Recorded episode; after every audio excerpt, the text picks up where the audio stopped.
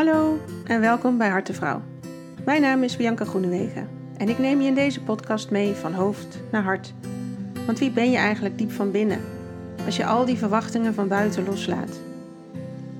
Ik deel mijn ervaringen over mijn eigen pad en praat met mensen die ik onderweg ben tegengekomen. Ik hoop dat ze jou net zo inspireren als mij, zodat jij ook die sprong kan wagen van angst naar liefde. Om weer thuis te komen bij jezelf jouw mooie, ware ik. Ik deel met jou de echte verhalen, de successen, maar ook de zoektocht naar wie je nou werkelijk bent. Want die zoektocht kennen we allemaal.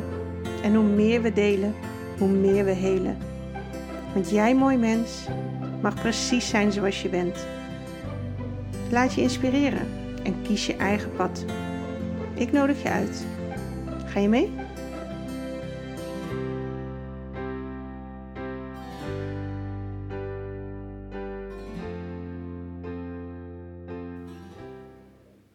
Wie mij kent, die weet dat ik een uh, holistische kijk heb op het leven. En dat is ook meteen het stuk wat ik uh, vaak mis in de medische wereld bijvoorbeeld.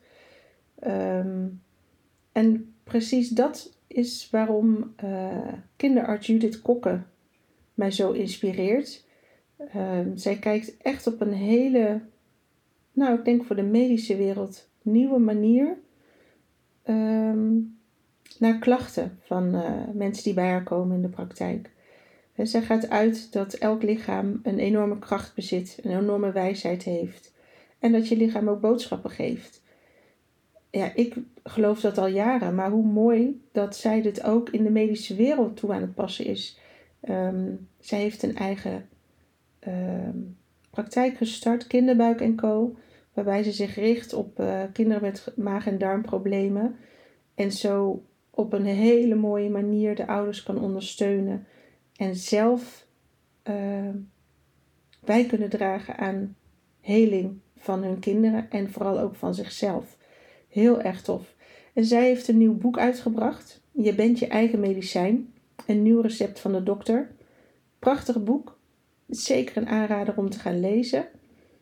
En haar boek start ook met een heel mooi gedicht, wat ik uh, graag wil voorlezen. In een cirkel is iedereen gelijk. Er is niemand voor je en er is niemand achter je. Er is niemand boven je, niemand onder je. In een cirkel neem je alle ruimte in en ben jij het stralende centrum. In een cirkel mag je de rol spelen die je altijd al wilde spelen. Dus schijn als de volle maan in het donker van de nacht. Onbeperkt en onvoorwaardelijk geeft de maan licht aan iedereen. Je kunt ook schijnen als een eeuwig stralende ster, een bron van levend licht, tezamen met ontelbare andere stralende sterren. Of stralen als een bloem in een bloemenveld, in uitbundige harmonie met de andere bloemen. Een bloem is niet bezig met competitie of beter zijn dan de andere bloem. Een bloem bloeit en straalt en is mooi zoals ze is. Je bent nooit alleen. Je bent geliefd. Je hebt waarde door wie je bent. Je wordt ondersteund en omringd door ontelbaar veel stralende sterren en bloemen, als broers en zussen in een grote wereldfamilie. Dat is toch een prachtig begin van een boek, hè? Dus hoe gaaf dat ik haar mocht interviewen. Here goes, Judith Kokke, kinderarts.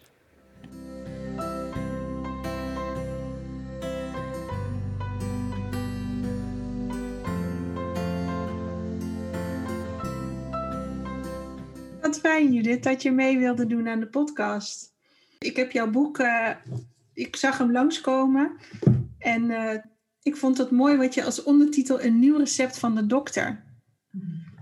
Dacht ik wat goed, want nou ja, dat is misschien een toelichting op waarom ik het zo tof vind uh, dat jij het werk doet wat je doet.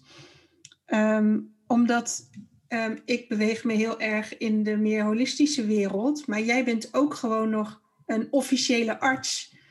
En jij kneedt dat heel mooi in elkaar. En denk ik, dat is onze toekomst. Dat vind ik echt geweldig. En dat gebeurt nog veel te weinig.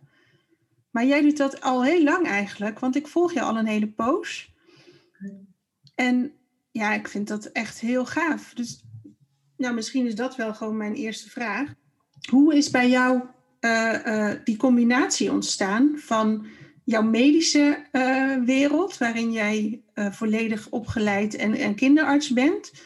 En ehm, de meer bredere kijk naar de hele mens.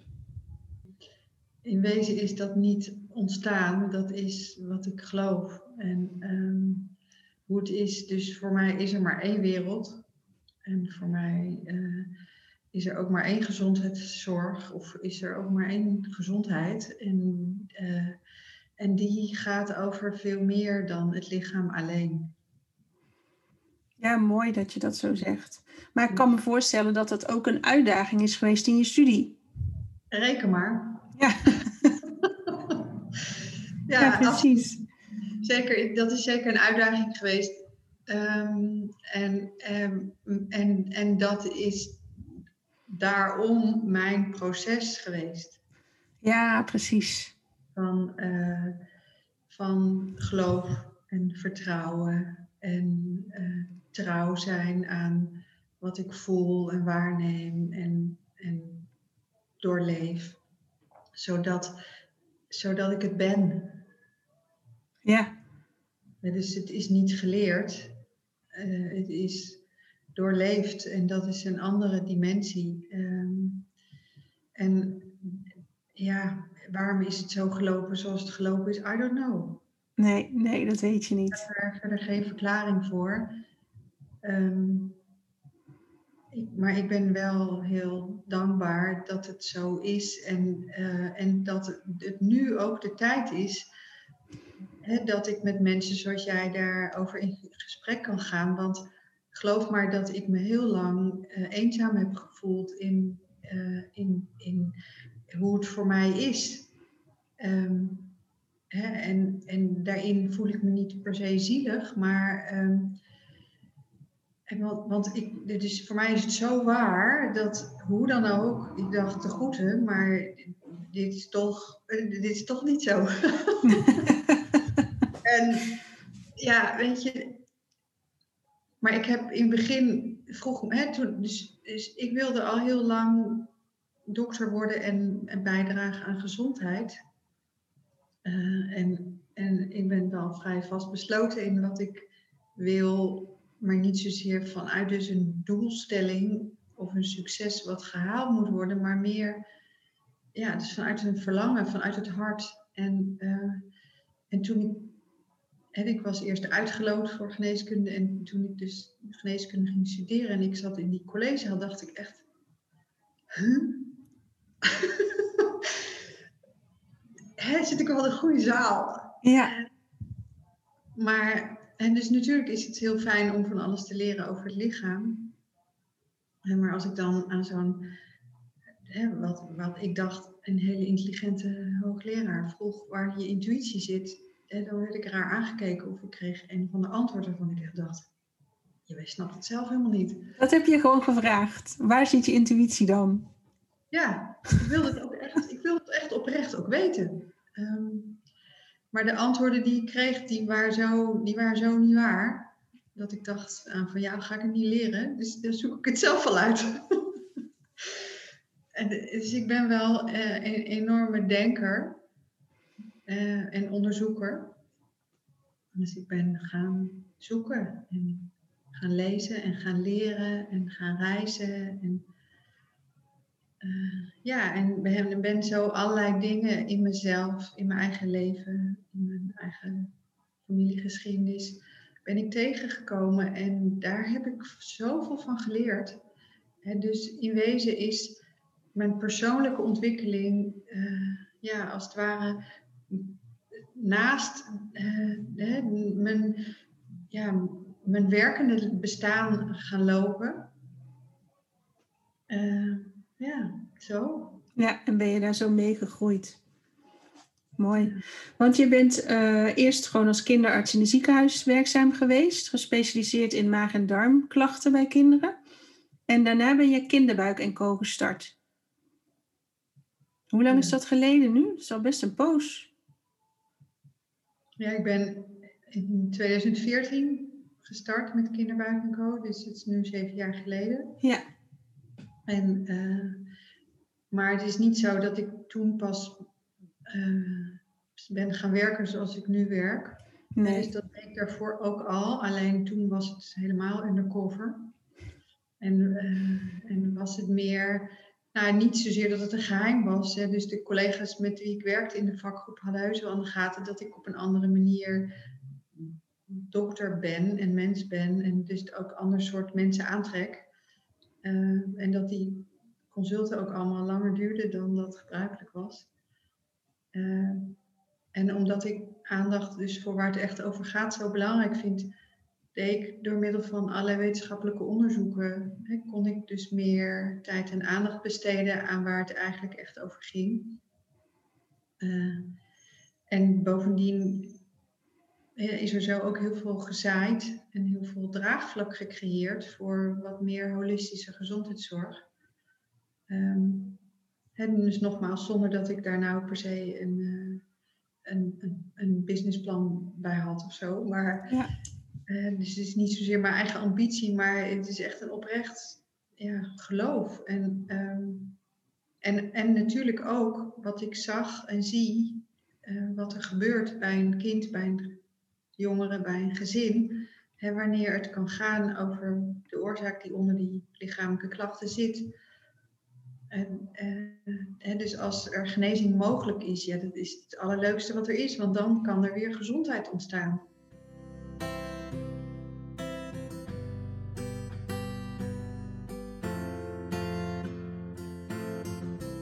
Ik kan me voorstellen dat mensen bij jou ook in de praktijk komen met, uh, ja, mijn kind uh, poept niet goed. Fix het, zeg maar. Hè? Dat dat een beetje soms het idee is van ouders: van uh, er is iets niet goed, uh, maak het maar. Uh, maar dan komen ze bij jou en dan heb jij, denk ik, hele andere vragen voor ze. Ja, ja. Ja, dus ik begeleid mensen in het bewust worden dat het niet gaat over het symptoom hè, of het probleem, maar over waar het lichaam aandacht voor vraagt. Met, met de klacht of met het probleem. Uh, en het is echt ontzettend leuk om te zien hoe steeds meer mensen daar, hè, ook mensen die voor een quick fix komen, uh, daarvoor openstaan. Dus uiteindelijk is het verlangen van ons als mens is hetzelfde. Ja. Uh, en ik, ik vind het ongelooflijk dankbaar werk om daar hè, tijdelijk een, uh, een, bijdrage aan te mogen leveren, zodat mensen zelf weer leren hoe ze de regie krijgen hè, over hun, hun, hun gedrag, hun gewoontes, mm hun, manier van omgaan met zichzelf en met elkaar. En, en dat niet ziekte de vijand is waartegen gestreden hoeft te worden, maar uh, ja, dat het. Uh, echt je iets wil brengen, dat het echt iets wil communiceren. dus het vraagt om een andere relatie met wat er is. En het is natuurlijk heel invoel, in, hè, begrijpelijk. Uh, want we hebben als mensen allemaal dat we gedoe niet willen, dat willen we weg. En geluk willen we wel. En ja. uh, vakanties en coronavrij en, en, weet ik veel, dat willen we allemaal. En, hè, en gedoe willen we niet, ziekte willen we niet, dood willen we niet. Uh, dat willen we allemaal niet. Dus in die zin zijn we daarin als mensen ook hetzelfde. Ja, we gaan het allemaal uit de weg eigenlijk. Uiteraard. Dus, dus dat is een heel natuurlijk proces om, hè, om het of er, of er tegen te gaan vechten, of dit te doen en te denken: ik zie het niet, want ik kijk er niet naar, dus het bestaat ook niet. Ja. hè, of het te onderdrukken. Of, dus, dus dat is wat we doen. En daarin zijn we helemaal niet anders als mens. En uh, en, maar wanneer dat bespreekbaar wordt uh, in de spreekkamer, ja, zijn er enorm veel uh, aha-momenten, zeg ik hè, altijd, hè, waarin, ja, waarin er inzicht is in, in jezelf. En hoe leuk is dat als dat er kan zijn? En, en omdat ik dus al op enige tijd op deze manier werk, merken ze ook dat ik daar geen oordeel over heb. Uh, maar ze alleen maar support van dit is de weg. Ja. Dat ja. jij dat kan. Uh, dus dat ga je vanzelf zien en geloven. Ja, ja. Oh, mooi. Ik zat hier gisteren ook over na te denken, want jij, jij bent gespecialiseerd in maag, darm, lever. en ik dacht, eigenlijk het enige, wat, tenminste wat ik hoor, dat kinderen hebben controle over hun eten en hun naar de wc gaan, hun poepen, hun plas. Dat is het, eigenlijk het enige waar hele kleine kinderen controle over hebben. Ehm, maar dat is ook hetgene waar jonge ouders zich heel erg druk om maken. Hij eet niet goed of hè, het gaat niet goed met zijn buik of wat dan ook.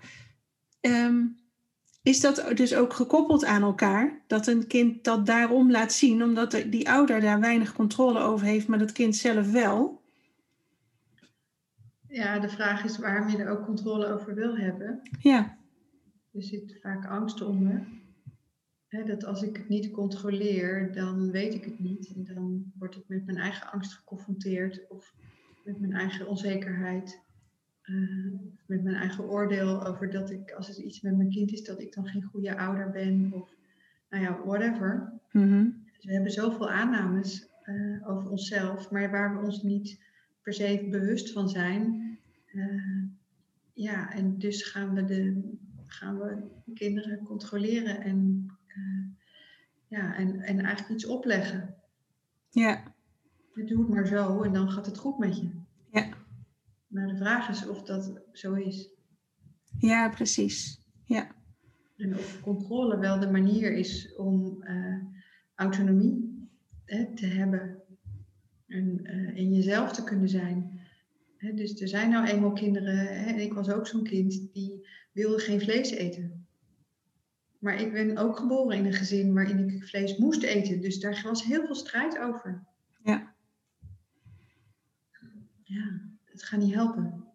ik ben, by the way, toch zo eigenwijs. en, maar de meeste kinderen, dus, dus ja. Het is vroeg of laat ga je toch je eigen weg. Uh, en ja, hoe eerder, hoe beter, denk ik altijd. Ja, ja. ja en ook denk ik, aan alle ouders aan wie het zal vragen, zeggen ze ook, ja, maar dat wil ik ook. Ik wil dat mijn kind zijn eigen weg gaat. En dan komt er een maar achteraan, want hij hoort het dan wel in dit straatje te doen eigenlijk. Of hè, het gedrag moet wel zo zijn. Ja, dus er is een verwachting. En er is ook een, een behoefte van de ouder zelf. Dus heel vaak heeft de ouder zelf iets nodig wat door de controle ingevuld moet worden door het kind. Maar daar kan het kind nooit aan voldoen, dus het is nooit goed. Dus er komt meer uh, controle-neiging, er is meer. Je moet het zo doen, want uh, dan heb ik overzicht over jouw leven. Met andere woorden, dan kan ik mijn eigen angst verbloemen of onderdrukken. Ja. En hoe mooi is het als dat bespreekbaar is? Dus dat het helemaal niets met het kind te maken heeft, maar uh, dat er dus iets in jezelf is geraakt wat nog aandacht vraagt of bewustwording vraagt of vriendelijkheid vraagt. En uh, ja, ik vind het fantastisch als het daarover kan gaan. Ja, absoluut. Ja. Generaties hiervoor was dat helemaal niet zo. En uh, ja. en, uh, en nou ja, en hè, dus als ik naar mijn eigen leven kijk als kind en op, hè, opgroeit naar volwassen, als ik kijk naar mijn eigen uh, studententijd en werkende leven, nou, heb ik me echt wel vaak alleen en uh, en, en ook eenzaam gevoeld in, in hoe het voor mij is. En, uh, en, maar dat heeft me ook enorm veel veerkracht gegeven en ook heel veel ervaring gegeven en, en heel veel innerlijke kracht. En dus, dus, dus het is ook goed zoals het is. Maar ik vind het wel leuker en makkelijker, hè, nu er zoveel mensen zijn die, die, op diezelfde manier bezig zijn hiermee. Uh, ja. Ja, maar ik kan me inderdaad voorstellen dat ja, je hebt het gevoel dat je het alleen hebt moeten doen. En juist doordat je dat alleen hebt moeten doormaken, is het nog sterker geworden en is het niet eens een optie om daarvan af te wijken. Want dit is gewoon wat jij bent, wat je gelooft, wat je leeft, wat je ademt.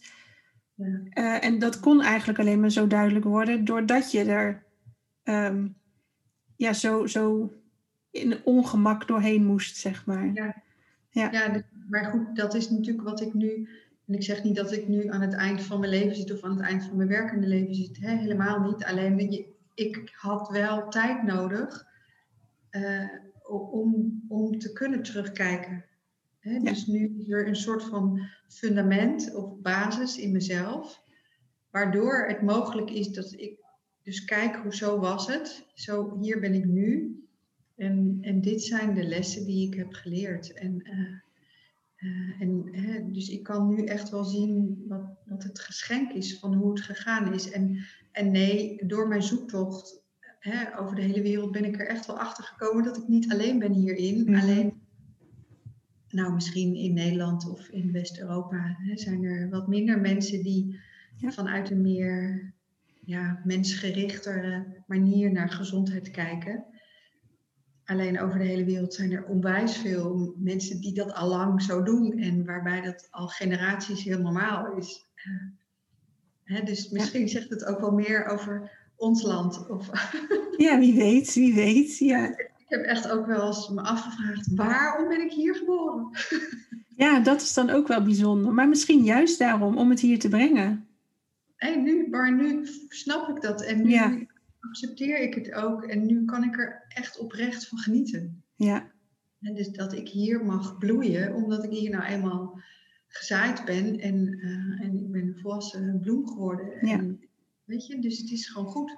En nu mag je het verspreiden in het, in ja. het Nederlandse, zeg maar. Hè? Met al onze eigenaardigheden die wij als volk uh, gewoon hebben.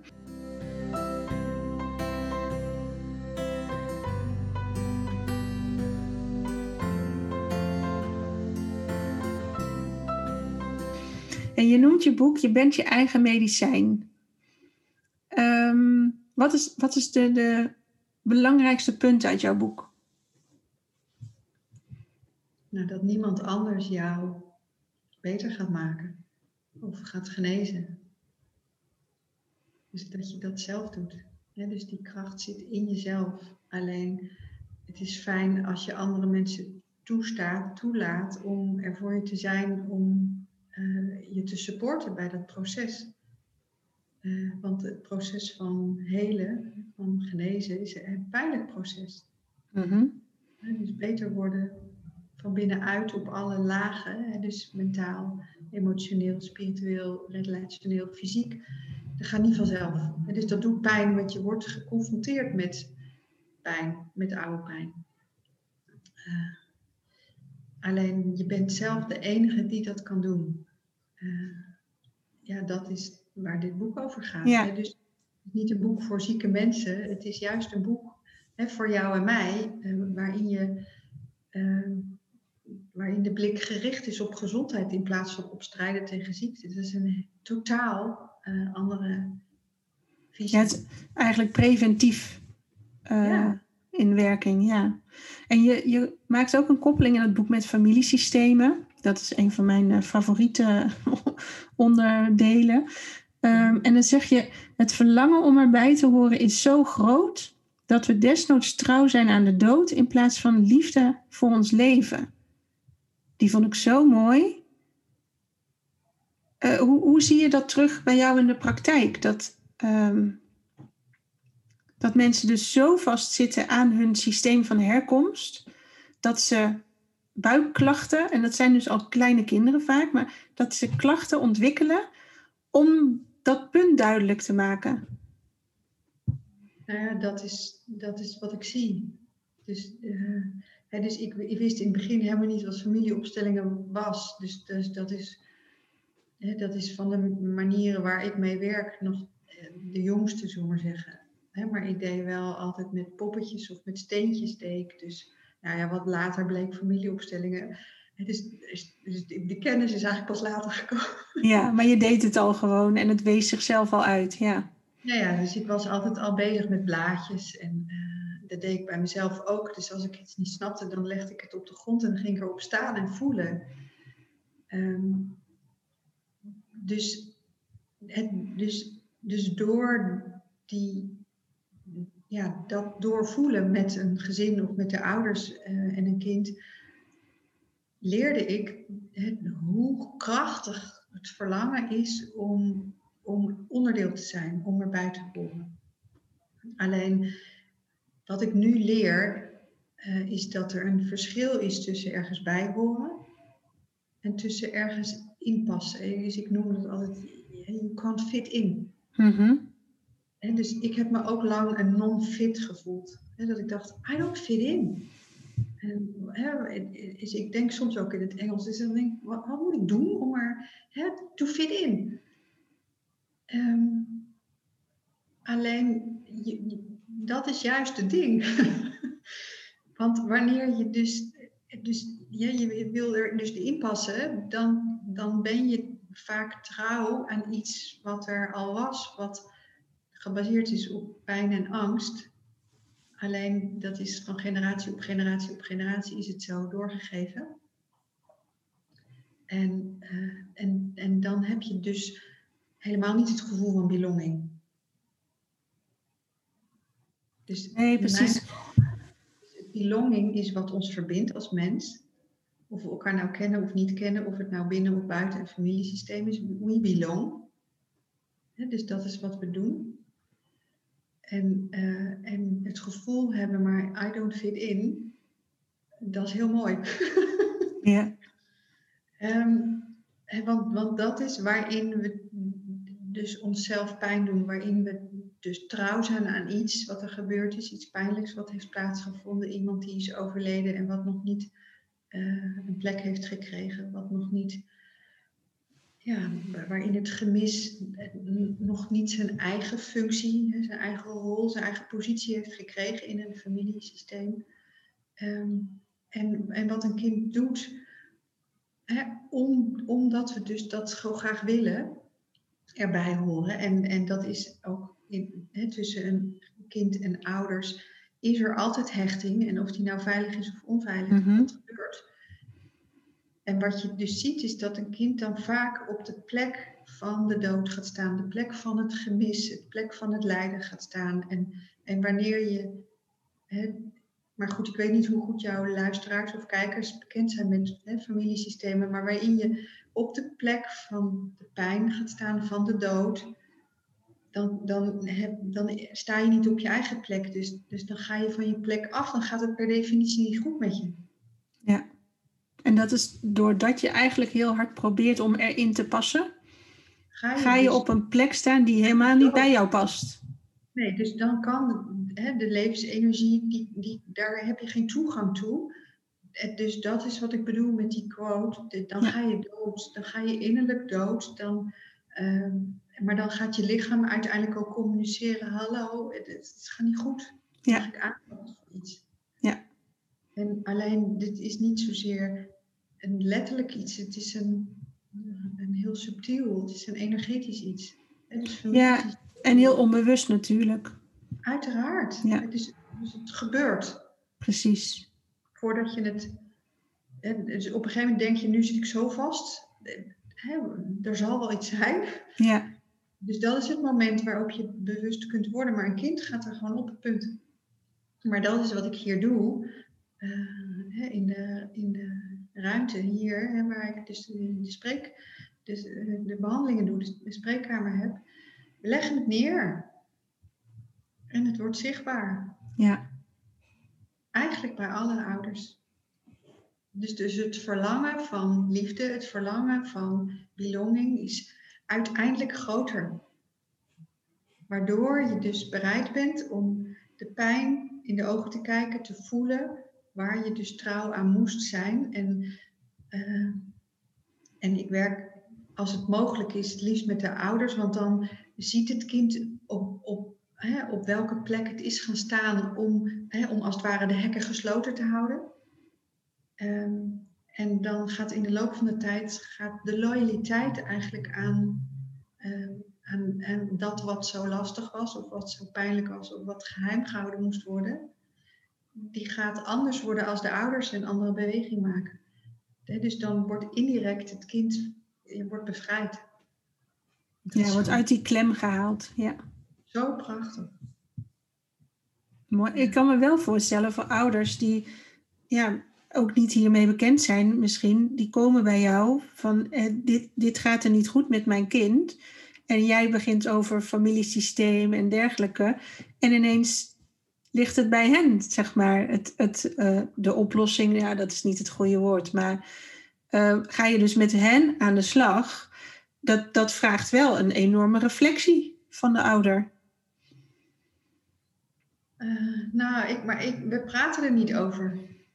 Dus ik ga helemaal niet uitleggen wat het familiesysteem is. Uh, dus we, we, we, doen, we doen een oefening. En ja. we gaan het voelen. Dus, dus er hoeft helemaal. Dus niet cognitief. Familieopstelling is niet cognitief. Nee. Dat is, het is een heel andere laag. Uh, dus ik ga het helemaal niet uitleggen.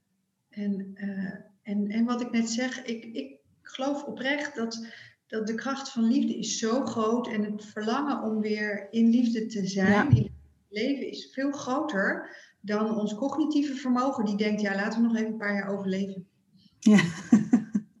dus het enige waar ik voor zorg is dat het veilig is. dat is voor, in mijn ervaring ook de rol van degene die een opstelling begeleidt, is dat het veilig is. En, uh, maar dan opent het hart. Ja. En dan ontvouwt het zich vanzelf. Daar hoeven ze ook niks voor te doen, want het wordt al zichtbaar. Ik begeleid het alleen, dus ik doe niets. Nee. Dus de persoon legt precies neer waar het is. En, en, en als de ouders samenkomen, kan de andere ouder het ook zien. En het kind kan het zien of voelen, en die, maar die speelt ondertussen. Uh, het is heel organisch. Ja. Daardoor is het zo uh, kloppend. Ja.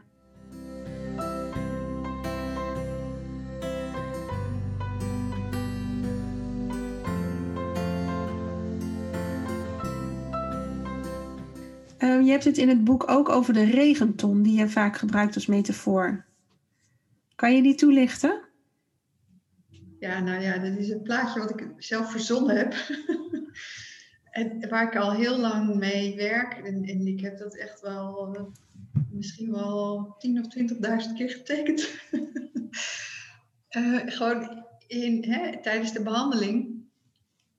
Uh, ja, om te delen wie we echt zijn en wie we onbewust dachten of uh, dat we waren. Het is het verschil tussen, tussen wie we echt in essentie zijn, waar niks mee kan gebeuren, wat niet ziek kan worden, wat niet dood kan gaan, wat altijd zal bestaan. En uh, wat kwaliteiten heeft die bij jou en bij mij exact hetzelfde zijn. Dus, dus dat is het stuk van belonging. Dat is het stuk van waar we waar we elkaar in kunnen ontmoeten, want dat is hetzelfde. Alleen jij zit in dat lichaam en ik in dit lichaam. Nou, oké, dat is daar helemaal zo. Hè, dus, dus de regenton is, is een metafoor voor bewustzijn, voor geheugen. En waarbij ik naast de regenton een, een druppel teken. Die druppel die staat eigenlijk voor de klachten of problemen of de ziekte. Uh, en vaak is, is dat het moment hè, waarop je naar een dokter gaat, waar, waarop je het gevoel hebt, zo kan het niet langer, nu moet het echt opgelost worden. En dat is dus een heel mooi en ook bijzonder moment. Uh, omdat je dan de bereidheid voelt om aan de slag te gaan met, met wat er echt is. en um, uh, en, en, en het kan uiteraard mindblowing zijn om je te realiseren dat die laatste druppel niet weg hoeft. Alleen dat het wel interessant is om te kijken waarom die regenton zo volgelopen is. Hè, met wat ik noem sneeuwballen. Uh, en, en als het mogelijk wordt om contact te maken met dus die herinnering, of hè, dus dat die gevoelens die horen bij die sneeuwballen, dan smelten ze. Uh, zo komt er meer ruimte in de regenton en dan kan die druppel er met alle gemak weer bij. En, uh, en, en, en dat is wel voor een deel cognitief. Hè? Dus het begrip en de herkenning en ook de erkenning dat het bij ieder van ons, hè, ik heb niet alle mensen van de hele wereld ontmoet, maar de mensen met wie ik tot nu toe heb gewerkt, iedereen heeft een regenton hè, inclusief zelf. En iedereen heeft ook dus een muur om zijn sneeuwballen heen gezet. Om ze dus te beschermen. En dus als je, als je een soort van geheim onder in je regenton te houden. En te denken, daar hebben we het niet meer over. Um, maar, de, maar, maar het enige wat je dan nog kan is rondjes rennen over de muur van ja, wat ik je overlevingsmechanismen, die je hebt moeten aanleren om verder te kunnen. Alleen dat helpt niks. Ja, tijdelijk helpt het. Ja, want die sneeuwbal blijft op die plek zitten. Die zit al in die ton. Het is niet als je hem niet wil zien dat hij er niet is. Het is er al. Het is er al en het, je zendt die energie van die sneeuwballen naar alles en iedereen uit. dus als het gaat over mijn sneeuwballen, dan kan ik denken, die zitten daar mooi onderin, die houden we daar en daar hebben we het niet meer over. Alleen alle mensen in mijn omgeving zend ik die energie naar uit. En uiteraard gaan die, zeg maar, worden die als een rode knop, worden die aangetrokken tot die energie. Dus die gaan dat stuk, hè, zeker dus mensen die dichtbij staan, hè, die gaan daarop duwen. En, en ik denk, hé, hey, hallo. Om, hè, dus en je weer gealarmeerd van, ik moet opletten. Je alarmsysteem gaat aan en jij denkt, ah, ah maar ik had bedacht onder in de regen te blijven. Dus je gaat meteen rondjes rennen over je muur en je gaat een vorm van overlevingsmechanisme ga je laten zien. Ja, mooi. En mooi ook wat je zegt, dat die druppel niet het probleem is. Hè? De klacht waarmee ze binnenkomen is niet zozeer degene waar je een pleister op moet plakken. Het gaat erom wat er al in die ton zich bevindt. De omgeving, hè? ja, eigenlijk alles wat al geweest is, draagt bij aan de klachten van, waarmee ze nu bij jou komen. Ja, het gaat, dus, dus die, dat is wel ook op zich behoorlijk pijnlijk om je te realiseren dat het gaat over oude dingen. Dus, niet, dus het lijkt alsof je in het huidige moment wordt getriggerd en alsof die klachten in het huidige moment het probleem zijn. Maar het gaat over oude dingen, dingen die voorbij zijn, waarin je iets nodig had. Dat was er niet. Het was niet beschikbaar of het kon niet gegeven worden. En dat is heel pijnlijk. Hè? Vaak gaat dat over liefde, over aandacht, over erkenning, over zorgen voor, over gehoord worden. Dat was er niet. Dat was niet je schuld, maar het was er niet. En dat is behoorlijk pijnlijk. Maar dat is wat doorvoeld mag worden. Dat is wat, hè, wat het proces van helen betekent. Dus erkennen, een persoon, hè, dat kan een random persoon zijn, die drukt alleen maar mijn knop in. Daardoor wordt mijn oude pijn geraakt. Dat doet vreselijk veel zeer. En hè, dus ik doe deze oefening, die beschrijf ik ook in het boek, maar die doe ik echt zelf al, ik weet niet hoe lang, bij mezelf. En dus ook met alle mensen met wie ik werk. Dus over je hand wrijven en zeggen, liever, dit is oké. Ik vind dat zo'n mooi soort van zelfzorg op zijn allerzachtst of zo. En dus allersimpelst misschien ook wel. Want dit heb je altijd bij je. En Je hoeft niet een hele dag naar de sauna, maar als je even vijf minuten dit doet, dan word je al heel lief voor jezelf. Ik merk al dat ik daar je gaat al van glimlachen of zo. Of je wordt wat warmer. Ik vind dat een hele. Ja, dan denk, waarom hebben we dan niet allemaal gewoon bedacht dat je dit kan doen? En door... Nou ja, daarom schrijf ik, heb ik het boek geschreven. Ja. Omdat echt oprecht iedereen gun dat hij, dat hij dit gaat doen en dat hij hiermee aan de slag gaat. Want, want we zijn zo goed in het boeken lezen en ja, been there, done that, got all the t-shirts. Ehm, maar het gaat over voelen, dus het is helemaal niet cognitief. Het is niet intellectueel. Het heeft niks te maken met studie, het is voelen. En als je iets niet voelt, niet doorvoelt, zal er nooit wat veranderen. Ja, ja dat is. Doe ik dit en dan zeg ik echt: Ah, dit is echt zo stom en zo pijnlijk en zo zwaar. En, ah, en nou ja, en verder even niks. Nee. Dus zo doe ik het bij mezelf. Ja, dat is mooi. En je zei in het begin ook al, hè, we willen geen gedoe. Nou, volgens mij was dat echt tot een paar jaar geleden mijn lijfspreuk zo ongeveer. Dat zodra er gedoe was, dan was ik of weg of ik loste het meteen op. Want dat gedoe, daar had ik helemaal geen zin in.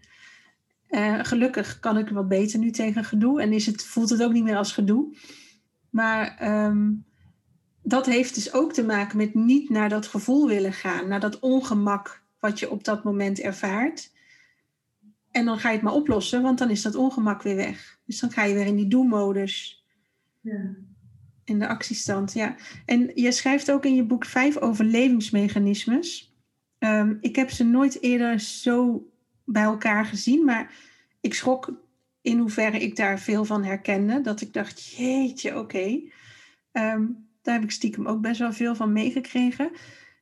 En je, als eerste noem je valse macht die vond ik ik weet niet waarom die zo binnenkwam. Ik denk dat het macht is, dat, heeft, dat triggert iets bij mij. Maar ehm, die valse macht die voorkomt dat uh, je oude pijn ervaart.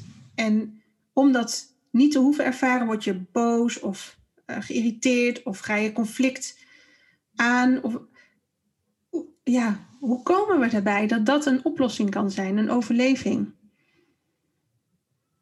Uh, nou ja, omdat de erkenning en de realisatie van pijn en onzekerheid en, uh, en, en dus toegeven, mijn innerlijke kracht is zo verdwenen. Het enige wat ik nog kan, is boven een ander gaan staan en zeggen: Het is jouw schuld, jij bent stom en het ligt aan jou. En, uh, dus, dus, dus mensen hebben zichzelf en elkaar aangeleerd om een ongelijkwaardige verbinding aan te gaan. En dat is ook wat we om ons heen zien. Degene die het hardst schreeuwt, die lijkt gewonnen te hebben. Um, alleen in mijn ervaring is het juist een schreeuw om hulp. Is het een vraag om een knuffel alleen in een onhandige vorm. Hè, waarin de kans dat je hem gaat krijgen niet zo groot is. Ja. Maar wanneer ik dus op die manier kijk naar mijn eigen boosheid, kijk naar boze mensen in mijn omgeving, ja, dan, dan is er meteen weer meer compassie. Uh, dat het een, en alleen maar een uiting is van ik heb krachttekort, ik heb uh, ja. contact met mijn ware zelf verloren en dat doet zo'n pijn. Het enige wat ik nog kan is om me heen vechten en slaan en mezelf groter maken dan dat ik eigenlijk ben. Ja, dus, dus in wezen is het in mijn ervaring een uiting juist van dus innerlijke kindpijn. Uh, dus is het echt een vermomming van onvermogen, van uh, grote pijn. Ja. En sinds, ja, sinds dat ik me dat realiseer en, en dat dus ja, omdat ik nu al zo lang op deze manier werk, dat steeds weer terugzie hè, in, in iedere dag, kijk ik ook heel anders naar boze mensen. En ik ben nog steeds, ik ben ook, hou ook van geweldloosheid. Hè, dus het is ook niet wat me aanspreekt, alleen ik, het, het, is, ja, het, is, het is eigenlijk een, een onderdeel van de, de, grootte van de tegenstelling op dit moment. Uh, dus waarin er een groep mensen is die, die manier kiezen van uh, vechten en strijden. En, dus ik ben meer en beter. En, maar er komt ook steeds grotere groep mensen die dit proces bij zichzelf aangaan en dus contact maken met hun essentie. Daardoor in alle bescheidenheid heel krachtig zijn. Mm-hmm. Daardoor kunnen die mensen die die valse macht nodig hebben uiteindelijk naar beneden komen. Ja. Dus, dat is mijn hypothese. Ja, maar dat denk, ik denk dat ik denk als je dat zo onder ogen, uh, of dat je dat zo bekijkt voor jezelf, dan hoef je je niet meer op te blazen. Want dan, dan um, hoort het al meer bij je of zo. Dan, dan stop je dat niet weg, maar je, je kijkt ernaar, je kijkt het aan, je doorleeft dat. Dus waarom zou je je nog op moeten blazen? Dat hoeft dan niet meer. Nee, en, en, maar goed, ik, ik schrijf veel, hè, behalve de boeken het wekt ook een hoop weerstand op. Want er zijn ook veel mensen die zeggen, ja, maar boosheid is heel normaal. En, uh, en bij uh, weet ik veel wat voor stammen gebruiken. Maar, maar, ik geloof uiteindelijk niet dat boosheid een, uh, een natuurlijke kwaliteit is. uiteraard is in deze duale wereld is het goed om te voelen waar je grens ligt.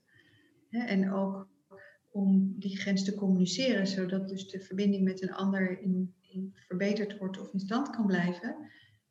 Hè, en desnoods word je boos, maar, maar wat ik bedoel in valse macht is dat het gedrag is. Dus, het is een, dus je, je kan eigenlijk alleen nog maar omgaan met jezelf en met anderen vanuit dat onvermogen om te voelen wat zo'n pijn doet binnen in jezelf.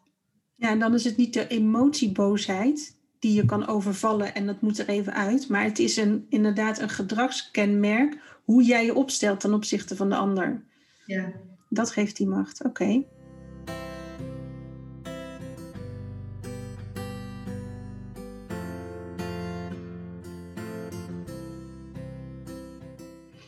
En je hebt ook valse hoop. Um, dat is een beetje het voorwaardelijke. Hè? Als jij dit doet, dan doe ik dit voor je. Of dan ben je lief. Of, zo heb ik hem tenminste gelezen. Van als ik maar zo mijn best doe, dan vinden ze me wel aardig. Ja. Er hangt zo'n voorwaarde aan. En dat is natuurlijk ook geen liefde. Nee, en bovendien uh, ben je zo, voordat je het weet, verslaafd aan andere mensen. Uh, want want de, de doelstelling is om de ander te veranderen. Mm Met je pleasende gedrag of met je, je best doen, is de ander veranderen. Want de, de ander gaat jou dan geven wat je tekort bent gekomen. Alleen wat je tekort bent gekomen is al gebeurd en, en het is je lot om dat in de ogen te kijken dat je het ook niet gaat krijgen. Dus, hè, dus, dus, dus, hè, dus, dus het, het verslavende gedrag mag afgeleerd worden. Want alleen maar dan kan er heling plaatsvinden. Ja, mooi. Zo zijn we zo verstrikt aan elkaar, aan andere mensen en hebben we dat ook nodig hè, om ons goed te voelen. En is er daardoor geen innerlijke vrijheid. Nee, je schrijft bij dat deel ook het andere naar de zin maken is jezelf afwijzen. Mm. Ik, ik, ik denk dat heel veel mensen heel vaak bezig zijn met andere mensen pleasen of naar de zin maken of hè, volgens de maatstaven, de verwachtingen. We willen van alles voor die ander. En, ehm, maar daar zit, daar zit dit onder. Ja, maar ik heb zelf nooit de link gelegd met dat dat eigenlijk jezelf afwijzen is. Dus die vond ik wel mooi. Nou, voor mij is authentiek zijn zo'n uh, zo'n kernwaarde hè, waarin ik het, het, ook niet kan uitstaan als ik niet authentiek kan zijn of niet authentiek ben. Hè. Dus daarin zit natuurlijk ook voor mezelf een, een, heel, uh, een heel stuk hè, wat ik uh, te doen heb. Mm omdat we ook leven in een samenleving waarin er bepaald gedrag hoort bij al is het maar een bepaalde functie of rol of verantwoordelijkheid.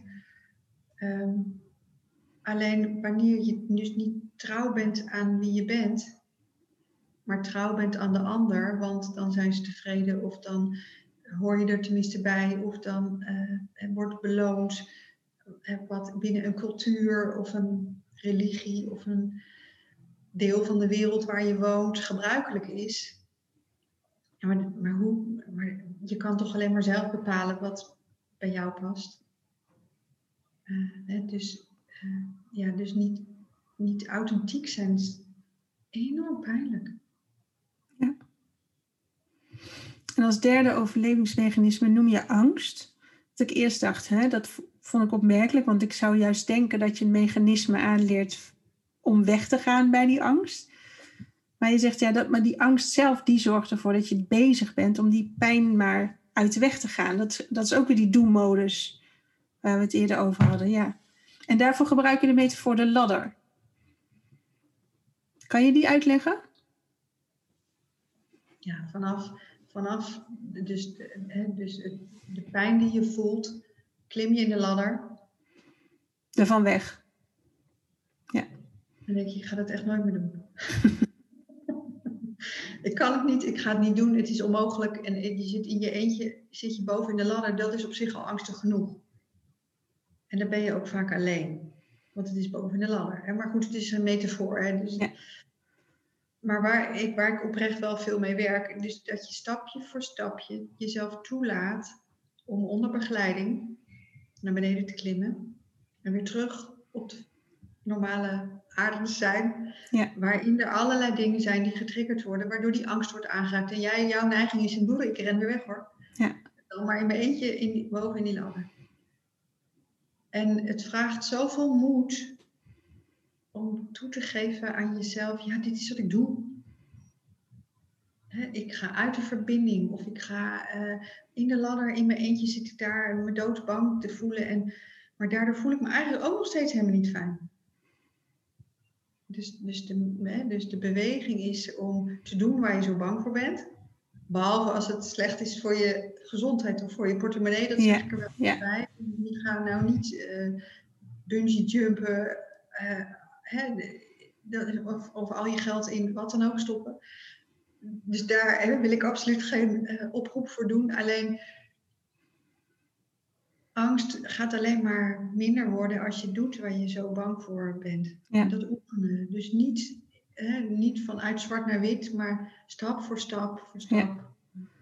Gaan ervaren wat er gebeurt als je wel erbij blijft. En voelen. En precies. Ja. Voel dan de angst maar. Oké, en als de angst er mag zijn en gevoeld mag worden, wat gebeurt er dan? Dan gaat hij weg. Ja. Nog nooit gezien dat hij blijft. En je kunt natuurlijk het gevoel hebben dat je doodgaat of in voor het gat valt. Of... Nou, oké, voel maar. Ja, en dat kan het gevoel zijn. En toch ben je dan weer bewust, maar ik leef nog wel. Dus ook al voelt het als, als een angst die me helemaal opslurpt, ik ben er nog. Dus ik ga niet dood door de angst te voelen. Nee, dus, uh, dus, dus wanneer je alleen maar toeschouwt, als het ware, dat er angst is en dat dat een gevoel oproept waarbij je echt de neiging hebt om in die ladder te klimmen en daarbovenin te blijven zitten. Maar waarbij je het niet doet en wel weet dat die gevoelens er zijn en, uh, en je beslist, en ik, maar ik blijf nu echt beneden en anders dan klim ik naar de eerste trein, dat is het dan. Ja. dus, ja. Uh, ja. Mooi. Dus dat jij, hè, wie je bent, daar kan niks mee gebeuren, maar dat zijn, dat zijn we vergeten. Dus er zijn zoveel beslissingen, hè, en dat is, herken ik natuurlijk ook.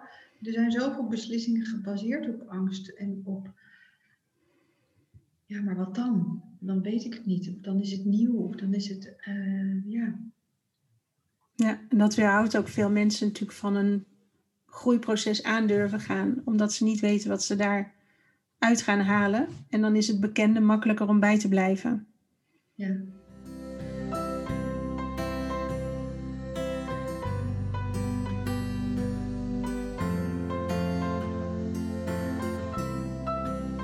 En als vierde noem jij zelfkritiek en zelfdestructie. Nou, dat denk ik is een hele duidelijke, dat je jezelf afwijst. Um, dat innerlijke stemmetje wat maar roept, ik ben waardeloos. Uh, ik doe er niet toe. Het is mijn schuld allemaal. Ja, dat kan nooit een gezonde manier van overleven zijn natuurlijk. Nee. Alleen die zijn vaak ook onbewust. dus, dus het kan goed zijn dat je dat je in de, pas op de volwassen leeftijd of door je partner of door je werkgever of je collega's, dus dat je je realiseert, oh ja, maar ben ik eigenlijk even kritisch naar mezelf zeg. Uh, hè, dus, dus het moment hè, waarop er inzicht komt over die uh, niet helpende overtuigingen, die dus als het ware als zin op je voorhoofd geschreven staan. En dus bij alles iedereen zendt je uit, ik ben stom of ik ben niks waard. Ik ben niet geliefd of uh, ik kan niks of niemand houdt van mij. Of nou ja, I don't know. Maar het zijn altijd wel dat soort zinnen. Um, ja, die we mogelijk allemaal wel op ons voorhoofd hebben staan. En dus ja. het is ook fijn als dat een bespreekbaar onderwerp is, wordt. Ja, en dan kan er ook ruimte zijn voor de heling. Wat zeg je? Dan kan er ook ruimte zijn voor heling daarvan. Voor verzachting, ja. Mooi. En als laatste zeg je het ontkennen van behoeften. Ik heb niks nodig, ik doe het wel alleen. Ik neem wel genoegen met wat er nog overblijft. Um, waarom is dat een overlevingsmechanisme? Ja, dat is je, dus ontkennen dat we, dat we liefde, vrienden, zachtheid, aanraking, dat we dat nodig hebben voor ons welzijn. Uh, en dat is wat ik sinds dat corona hè, uh, een grote rol speelt in onze samenleving ook oprecht zie als, als iets wat als gemis wordt ervaren, hè, waarin kinderen veel minder fysiek contact hebben met elkaar, met uh, volwassen mensen, met leerkrachten op school. En, en dat wordt als uh, pijnlijk ervaren. En, en als je dat gaat ontkennen, hè, dus je gaat doen alsof dat normaal is, ja, dan doe je jezelf tekort. Ja, ja je, wat is dan ook, hè, als, als, als je dit als ouder doet, dan ehm, geef je dan ook het beeld aan je kind dat je het niet waard bent of zo. Ja. ja. En dat is natuurlijk ook niet wat je wil uitstralen. In dienst bent van je gezin, van, dus wat vroeger in traditionele gezinnen gebruikelijk was, hè, waarin een vrouw thuis was en uh, voor de kinderen zorgde, maar een ondergeschikte rol had aan, aan zichzelf en aan andere mensen. Dus heel dienend. En, uh, ja, dan, maar dan ben, je, dan ben je minder. Dan ben je niks waard. Dan ben je ondergeschikt. En dan, dan wacht je eigenlijk totdat er eventueel een kruimelliefde overblijft. En die is dan voor jou. Maar, maar, maar dan heb je geen liefde en respect voor jezelf als je niet in staat bent om jezelf, hè, dus als dit zeg maar het speelveld is hè, waarin we ons als mens begeven, hier hoort iedereen te zijn. Niet minder, niet meer. Hier. Ja. En wanneer jij, uh, uh, wanneer het niet mogelijk is om te erkennen, maar ik heb ook andere mensen nodig, ik heb ook af en toe hulp nodig. Uh, wanneer dat niet kan, ja, dan ontken je. Ja, dan doe je eigenlijk jezelf tekort. Heel erg. Ja. Maar hoeveel ouders eten s ochtends slecht of niet? Ja, omdat de kinderen op tijd naar school moeten. Omdat de kinderen moeten eten en de kinderen moeten kleren aan. En dan gaan ze en met een rotgevoel, maar ook zonder ontbijt. En ook met een slecht voorbeeld. En met van allerlei stress hè, komen kinderen op school aan. Maar dat is niet wat je wil, dat je kind ziet dat normaal is. Want een kind kopieert dat en denkt, oké, eh, dus, dus mama is, is, voelt zich niet belangrijk, nou dan ben ik ook niet belangrijk. Ja. Ja, voordat je het weet, dus doet een kind exact hetzelfde. Dus het is een heel pijnlijk overlevingsmechanisme om te ontkennen. Nee, ik heb niks nodig. Uh, hè, dat wil niet zeggen dat je iedere week een paar nieuwe schoenen nodig hebt. Dus ik bedoel niet zozeer fysieke, uh, materiële uh, behoeften of verlangens, maar wel liefde, aandacht, vriendschap, ja. vriendelijkheid, ja. begrip. Ja, eten, drinken.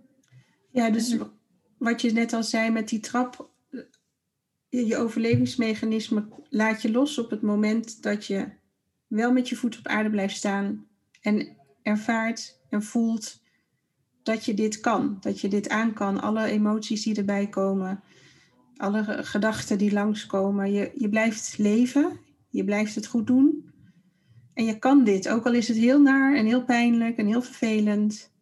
Dat is eigenlijk de manier om te starten met heling van alle onbewuste ja, processen die er spelen natuurlijk in je lijf. Ja. Ja, mooi. Volgens mij zijn we door onze tijd. Helaas, want ik kan nog echt, denk ik, een uur langer met je praten. Maar um, heel fijn in ieder geval dat je tijd wilde nemen voor me. Heb je nog een ding wat je mee wil geven aan ouders of um, luisteraars? Je zegt, dit moeten ze wel echt weten en, en zorg dat je hiervoor blijft gaan. Nou ja, dat je al goed bent. Dus hmm. Het is niet zo dat je eerst, eerst nog 20 jaar of 30 jaar en net zo lang als ik met jezelf aan de slag moet voordat je goed bent. Nee, het is al goed. Ja, dat is een mooie. Dus Fijn. het is nu al goed zoals het is. En dus alles loopt precies volgens plan. Uh, dus, dus als ik naar het leven kijk, dan is het misschien een film waarin ik niet de regisseur ben, maar een poppetje die speelt. Uh, en die speelt een rol. En, en, soms gaat het goed en soms gaat het minder goed. Maar no big deal. Dus alles verloopt volgens plan. Er kan niks misgaan. Het kan in deze tijd alleen maar beter worden. Dus dat is een mooi vooruitzicht. En, uh, en, en het is al goed. En ja, dus, dus dat is echt oprecht wat ik leef en um, wat ik ieder ander gun, dat het nu al goed is, zoals het nu is. Nou, dat lijkt me een hele mooie afsluiting.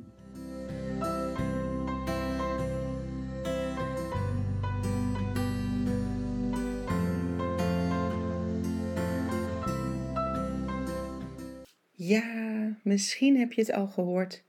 Maar we gaan dit najaar iets heel tofs doen. Ehm, speciaal voor jullie ga ik een Hartenvrouw retraite organiseren. 8, 9 en 10 oktober. We verblijven in het zuiden van het land, in uh, het Brabantse Hezen, op een prachtig landgoed, uh, de Kapeller Put. En uh, daarin gaan we onszelf onderdompelen. Uh, tijd voor jezelf, even verstillen, een beetje verdiepen met elkaar. We gaan aan de slag met jou volgens een paar van de onderwerpen die ik ook in Harte Vrouw heb besproken. Um, en dan kan je het zelf gaan ervaren. Hè? Want je hebt nu kennis gemaakt met bijvoorbeeld familieopstellingen of met het enneagram. Ja, de beste manier om daar echt mee in contact te komen is om het gewoon te gaan doen. En dat gaan we dat weekend doen. Een soort proeverijtjes van heel veel moois met elkaar. We gaan met een klein groepje, zodat het lekker vertrouwd is voor je. En um, dat je even heerlijk bij kan komen. Want we hebben een raar jaar achter de rug en het is echt nodig om die batterij op te laden en even wat quality time met jezelf door te brengen. En daar wil ik je heel graag bij helpen. Dus ben je geïnteresseerd? Kijk op biancagroenewegen.nl. Onder het kopje agenda zie je veel meer informatie hoe het weekend eruit ziet, hoe je kunt reserveren. Um, ja, het zou super tof zijn als je meegaat. Dus ik hoop je daar te gaan ontmoeten.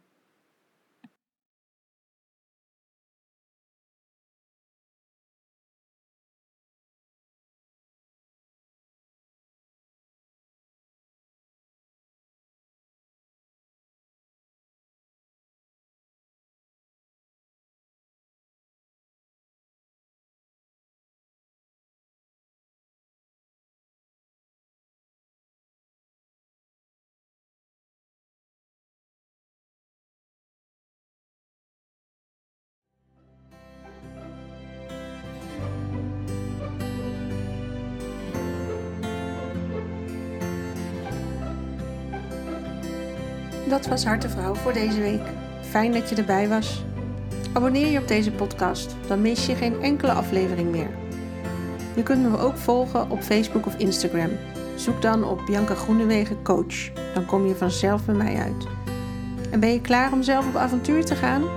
Voor die sprong van angst naar liefde? Van hoofd naar hart? Stuur dan een mailtje naar contact.biancagroenewegen.nl We gaan samen kijken welk pad bij jou past. Hopelijk ben je er volgende week weer bij. Spreek je dan. En niet vergeten, jij bent perfect, precies zoals je bent.